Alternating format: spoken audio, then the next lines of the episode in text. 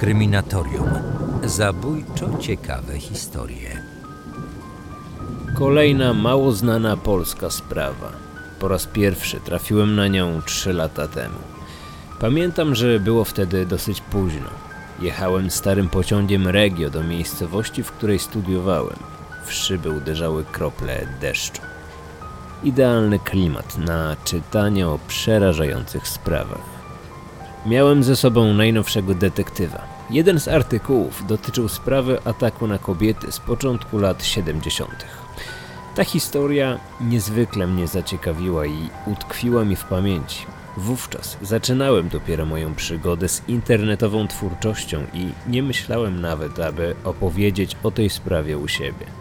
Jednak przez te trzy lata historia chodziła mi po głowie i chyba domagała się tego, aby w końcu się za to zabrać. Proszę rozsiądźcie się wygodnie i pozwólcie wczuć się w klimat tej mrocznej opowieści. Kryminatorium. Otwieramy akta tajemnic. Krzysztof Plewa, pętlarz. Licz do dwudziestu. Jak skończysz liczyć, możesz otworzyć oczy i wstać. Raz, dwa, trzy, cztery, pięć, sześć, siedem, osiem, dziewięć, dziesięć, jedenaście. Przerażona kobieta, gdy tylko usłyszała oddalające się kroki, zaczęła wzywać pomocy, a chwilę później znalazła się na komisariacie milicji. 13 września 1970 roku. Właśnie wtedy po raz pierwszy zaatakował pętlarz. Mężczyzna, który w najbliższych dwóch latach zrobi to jeszcze 16 razy. Ofiara to dwudziestoletnia Teresa. Dziewczyna wracała z dworca PKP do domu. Szła sama. W pewnym momencie zorientowała się, że ktoś ją śledzi. Za chwilę poczuła zaciskający się na szyi sznur. Straciła przytomność, a sprawca zaciągnął ją do pobliskiego lasku. Gdy odzyskała świadomość, kazał jej zamknąć oczy i liczyć do dwudziestu. W tym czasie uciekł. W okolicy od czterech lat głośno było o napadach na kobiety. Milicja poszukiwała bowiem słynnego wampira, który atakował w miastach na terenie Śląska i Zagłębia. Początkowo pojawia się przypuszczenie, że to właśnie on zaatakował dwudziestolatkę. Jednak poszukiwany wampir działa w zupełnie inny sposób.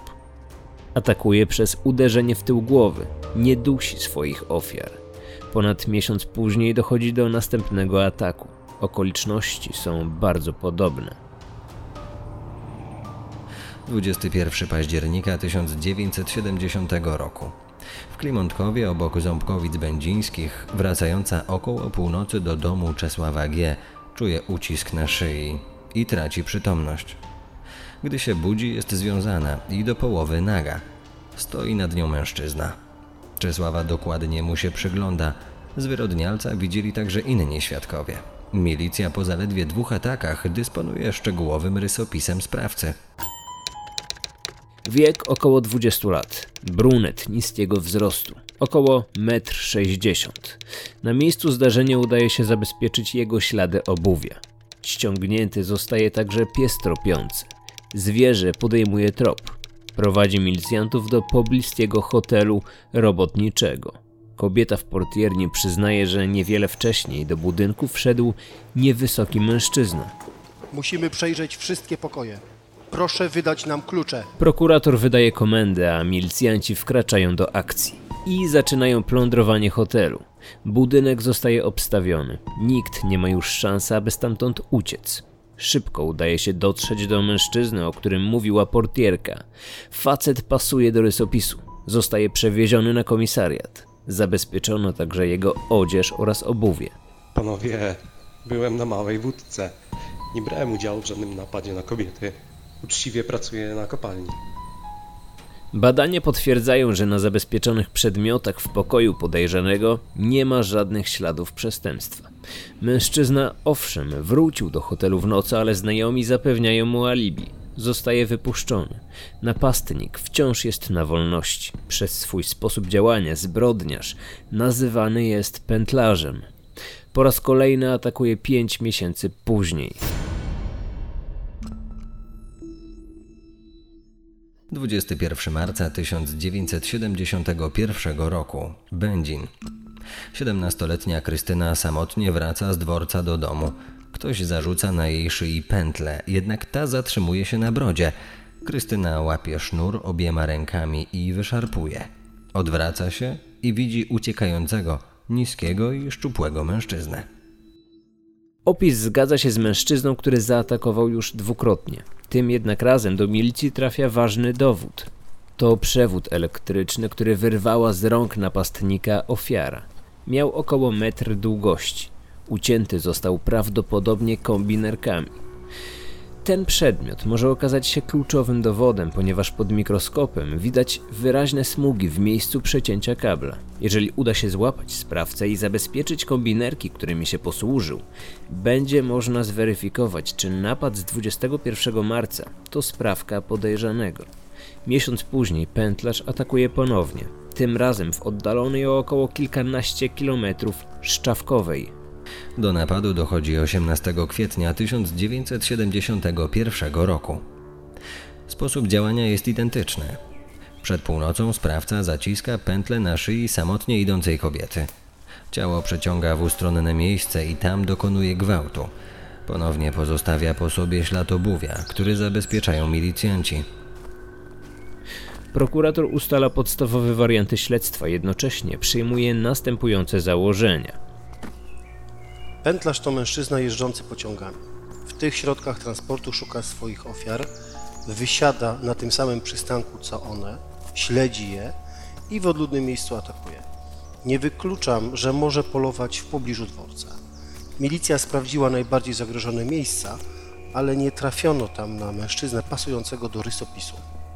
Miesiąc później pętlarz ponownie daje o sobie znać. 13 maja 1971 roku. Dwudziestoletnia Zofia Strzebni udaje się na nocną zmianę. Mężczyzna zarzuca na jej szyi pętlę, ale podobnie jak jedna z wcześniejszych kobiet, Zofia łapie ją obiema dłońmi. Spogląda na napastnika, a ten spokojnie odchodzi, tak jakby niczego się nie obawiał. Nie podejmuje kolejnej próby ataku.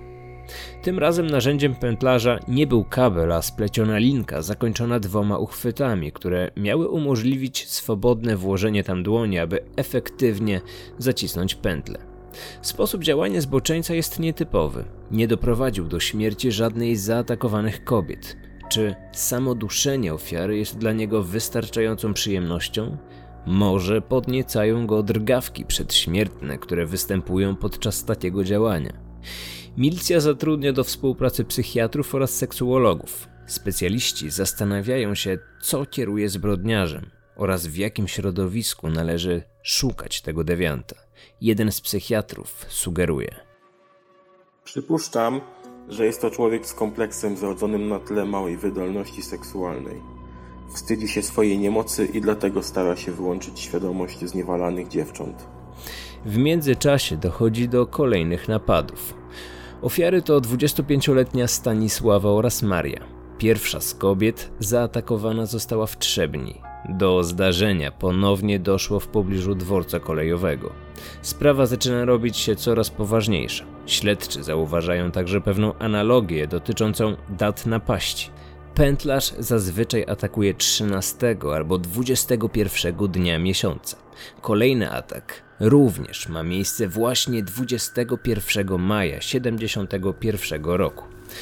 Do napaści młodej Lucyny dochodzi w Dąbrowie Górniczej. Kobieta wracała z nocnej zmiany. Tym razem napastnik zebrał z ręki ofiary zegarek. Milicjanci liczyli na to, że uda się dzięki temu go złapać. Zegarek wcześniej czy później pojawi się na czarnym rynku. Będziemy sprawdzać takie transakcje. Urządzenie oczywiście nie musiało trafić do sprzedaży.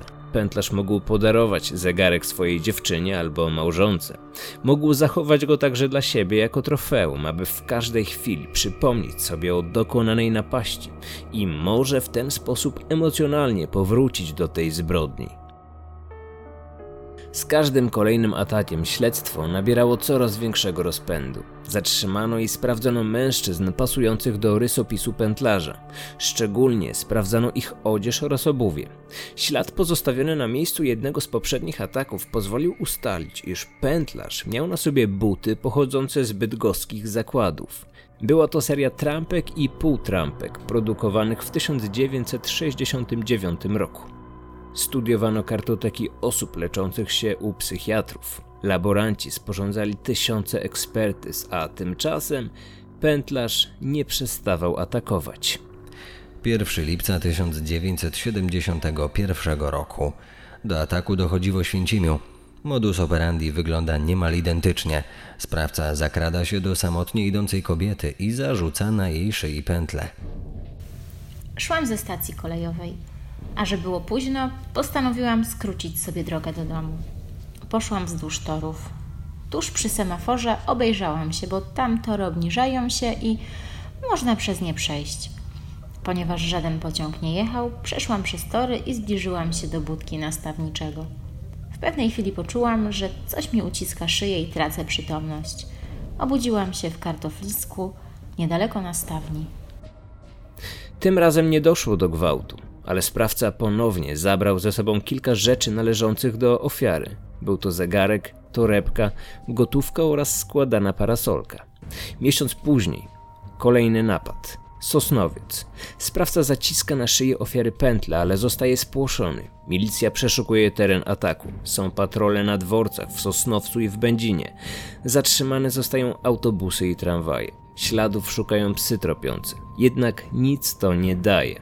A tydzień później dochodzi do kolejnego ataku w Teneczynku koło Krzeszewic. Ofiara to 20-letnia Irena, a na miejsce ataku pętlarz wybiera okolice dworca. Każda z zaatakowanych kobiet wnosiła kolejny szczegół, który mógł doprowadzić do zamknięcia śledztwa. Zaatakowana Irena zwróciła uwagę na charakterystyczne wąsy. Ten element został naniesiony na portret pamięciowy, który rozesłano do wszystkich milicjantów w regionie. Jednak pętlarz nie zwalniał tempa. Półtora miesiąca później pojawia się w Łazach. Tam 4 października obezwładnia Alfredę K. Postępuje w ten sam sposób co wcześniej. Ciało przenosi w odludne miejsce. Ponad dwa miesiące później dochodzi do kolejnego ataku. Ofiara to trzynastolatka, najmłodsza ze wszystkich zaatakowanych kobiet. Wracałam ze stacji do domu. Przeszłam przez kładkę nad skawinką i kiedy byłam obok ogródków działkowych, usłyszałam, że ktoś za mną biegnie. Kolejna ofiara była zaledwie 3 lata starsza. 16-letnia Teresa została napadnięta 20 kwietnia w Wolbrumiu. W czasie dokonywanych napadów milicja aresztowała wiele osób. Jednak gdy pętlarz nie przestawał atakować, wypuszczano z aresztu kolejnych podejrzanych. Analizowano miejsce napadów, zastanawiano się, w której miejscowości pętlarz może pojawić się po raz kolejny. Sprawca albo miał wiele szczęścia, albo umiejętnie zacierał ślady. Przy wielu sprawach na miejscu zdarzenia pojawiły się psy tropiące, jednak nie były one w stanie wyczuć kierunki ucieczki pętlarza. Aż w końcu przyszedł ten ostatni napad. 5 lipca 1972 roku. Pętlarz wybrał na miejsce polowania Tarnów. 23-letnia Barbara zdołała chwycić zaciskający się na jej szyi kabel i wyrwała go z rąk napastnika. Pętlarz ucieka, ale kolejnego dnia atakuje ponownie inną kobietę w tym samym mieście. Przebieg zdarzenia jest identyczny. Śledzi ofiarę, szuka odludnego miejsca, podchodzi bliżej, zaciska pętlę na szyi. Po utracie przytomności zabiera ciało w ustronne miejsce. Dokonuje gwałtu, podczas którego z jego kieszeni wypada kilka drobnych przedmiotów. To m.in. trzpień do osadzenia klamki w samochodzie Warszawa lub Syrena, skrawek karty kempingowej i bilet autobusowy. Na komisariat zgłasza się również bardzo ważny świadek. Gdyby nie ten kilkuletni chłopiec, może nigdy nie udałoby się schwytać pętlarza. Dziecko przypomniało sobie, że przy drodze nieopodal miejsca ataku stał pojazd syrenka. Nikogo nie było w środku. Chłopiec dla zabawy powtarzał pod nosem numery rejestracyjne tego pojazdu. Nie zapamiętał ciągu cyfr dokładnie, ale był pewny, że były tam dwie jedynki, czwórka i ósemka, a także litery SP.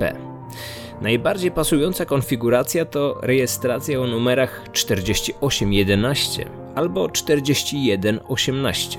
Litery SP widniejące na tablicy oznaczały Sosnowiec. Jeżeli pojazd należał do pętlarza, a wiele na to wskazywało, był to bardzo ważny element w śledztwie. Milicjanci dotarli do mężczyzny, na którego zarejestrowany był pojazd o numerach, które wskazał chłopiec. Jednak był to nietrafiony strzał. Mężczyzna od wielu lat nie korzystał z samochodu. Tablice były na jego strychu, a zresztą jego pojazdem była Skoda, a nie Syrenka.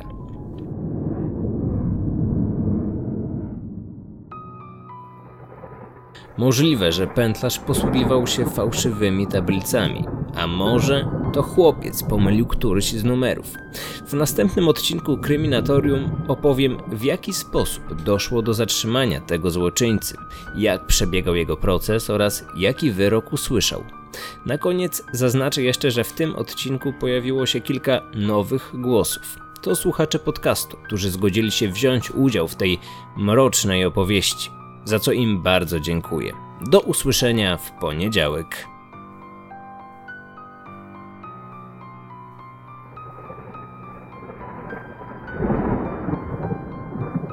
Kryminatorium. Otwieramy akta tajemnic.